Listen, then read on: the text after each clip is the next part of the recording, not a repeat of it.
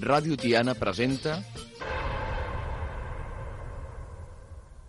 un show històric.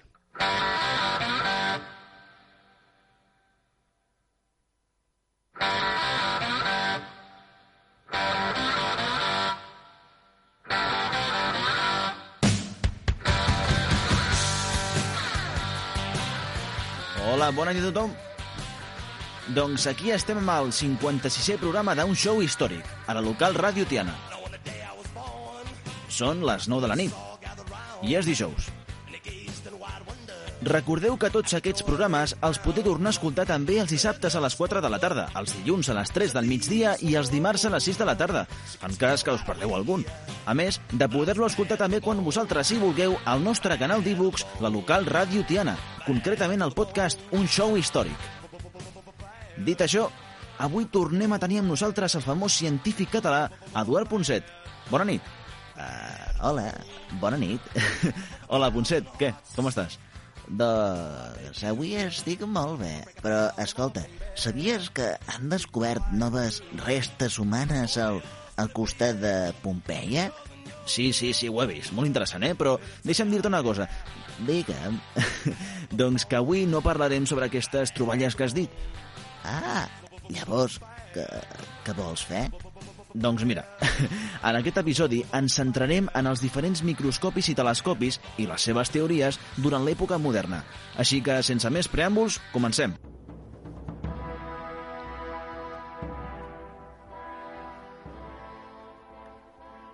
Els germans Janssen, al 1590, inventen unes lents que podríem qualificar com l'origen dels telescopis i microscopis. Galileu va recollir els estudis d'aquests dos germans per poder crear el seu telescopi. El 1609, Galileu va millorar la invenció dels germans Janssen. El 1610 publica els seus resultats a Siderius Nuncius. L'evolució del telescopi va consolidar una ciència que té una llarga tradició, com l'astrologia, l'astronomia, la histologia, anatomia microscòpica, serà l'estudi derivat d'aquest estudi del microscopi, el telescopi té la data clau de 1609 amb Galileu. Per complementar l'astronomia, tenim el pròleg de Osiander, a l'obra de Nicolau Copèrnic de Revolutionibus Orbium Caelestium, i la carta de Galileu a Piero Dini, del 21 de maig de 1611. En quant al món del microscopi, hi trobarem amb el Piggy, Robert Hooke i Anton von Leeuwenhoek, la teoria de les cèl·lules i la reproducció va derivar a partir dels seus estudis. La primera menció del microscopi es troba una carta de Faber, el príncep de 1625, fundador de l'Acadèmia de Lindsay. La teoria bàsica d'Aristòtil era crear dues teories sobre la generació, la formació dels éssers vius, com es forma l'embrió... En fi, acaba formant la teoria del performisme i l'epigenisme. El performisme consta que l'individu té una substància i a dins d'aquesta hi ha una representació en miniatura de l'adult. Es proposa l'existència d'un creador arquitecte. L'home o mascle aportava el semen o llavor, principi actiu, que ens donava la forma. La dona o família tenia el principi passiu, portava la matèria. El principi actiu modela, per tant, la matèria. Segons Galè, aquest proposa la igualtat de participació entre mascles i femelles, els quals tenen semen a partir del qual es generarà un ésser. La formació és igualitària per ell. Per Fabricius era altre performista i assegurava que només a la llavor de l'ésser hi havia l'individu format. La matèria no se li dona quasi importància. Per tant, segons ell, la dona dona aliment i calor a l'individu, és a dir, que l'home seria el progenitor i la dona la incubadora. Paracels proposava la creació d'homuncles a l'interior de gerres, sense tenir en compte a la dona. El performisme ovista, amb Renier de Gaff, va ser la primera observació macroscòpica dels ovaris, on suposa que hi hauria un ou que no es pot veure a simple vista. I altre performista homunculista va ser Leeuwenhoek.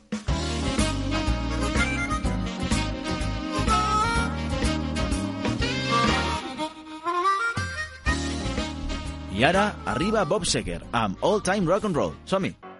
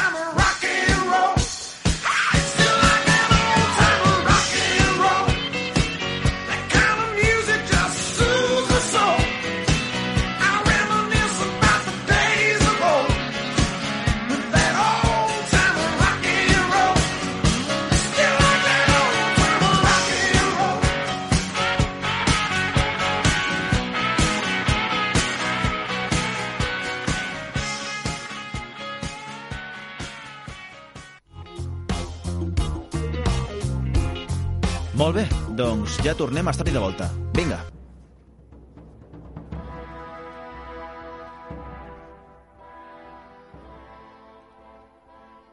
L'epigenisme nega la performació, però sí que assegura que hi ha un principi amorf, on la fecundació formarà l'ésser o individu adult finalment. No hi ha un adult en miniatura, bàsicament. Es nega l'existència d'un creador arquitecte. Harvey, a diferència de Galè, ens nega que les dones produeixen semen i, per tant, que els homes són els únics que contenen aquella substància. Va veure que dins de les femelles no hi ha quasi rastre de la llavor masculina, això adapta les seves teories a que fins i tot la llavor masculina era tan poderosa que actuava a distància. La llavor masculina era tan potent que podia alterar la imaginació de la dona i preparar l'úter per la creació del nou ésser. Per altra banda, hi trobarem a Descartes, el qual va negar l'epigenisme, però en termes mecànics. Havia d'haver-hi contacte entre els fluids de l'home i la dona, i per tant, els elements que hi havia dins d'aquests fluids xocaven entre ells i, a través de la calor, es creava el nou ésser. És una visió mecanicista, el xoc entre partícules. I finalment hi trobarem amb el Piggy, el qual va intentar fer estudis comparatius entre animals i plantes on hi troba una estructura general entre aquests. La complexitat d'un organisme és inversament proporcional a la grandària de l'aparell respiratori. Com més petit és l'aparell respiratori, més complex. Per tant, va investigar els ous també de les gallines. Per altra banda, hi trobaríem a Robert Hooke, el qual no va posicionar-se a cap de les teories performistes o epigenistes.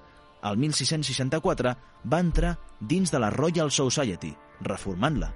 Per primera vegada introdueix la paraula cèl·lula. Va influenciar a Leeuwenhoek en les seves investigacions. De fet, Leeuwenhoek no era científic, sinó comerciant de roba, però sí que li interessaven molt les lents. Amb cartes que enviava a la Royal Society va poder canviar diverses teories sobre la microscòpia. Per tant, Robert Hooke llegia les seves cartes a les reunions de la institució on va ajudar a la seva promoció.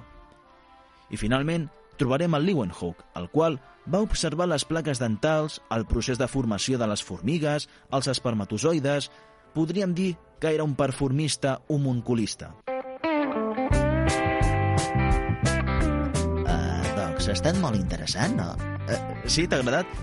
Sí, ha, ha estat molt interessant tot això que has, explica, has explicat sobre els microscopis i els eh, telescopis. Bueno, tu saps. doncs no saps com n'alegro molt. a veure, eh, si vols, la següent vegada que m'invitis, podem parlar sobre, no sé, o Pompeia o, altra civilització antiga, no sé, si et sembla clar. bueno, m'ho apunto. Així que, bueno, eh, un plaer haver-t'hi tingut avui. Uh, el plaer és meu, Joan. doncs fins aquí el, el programa d'avui. Així que, si us ha agradat de veritat aquest episodi, no oblideu que podeu tornar a escoltar-lo demà al nostre e-books totes les vegades que hi vulgueu. I, com sempre, un plaer haver-hi estat un altre dia aquí amb vosaltres. Així que una abraçada i fins la propera. Adeu!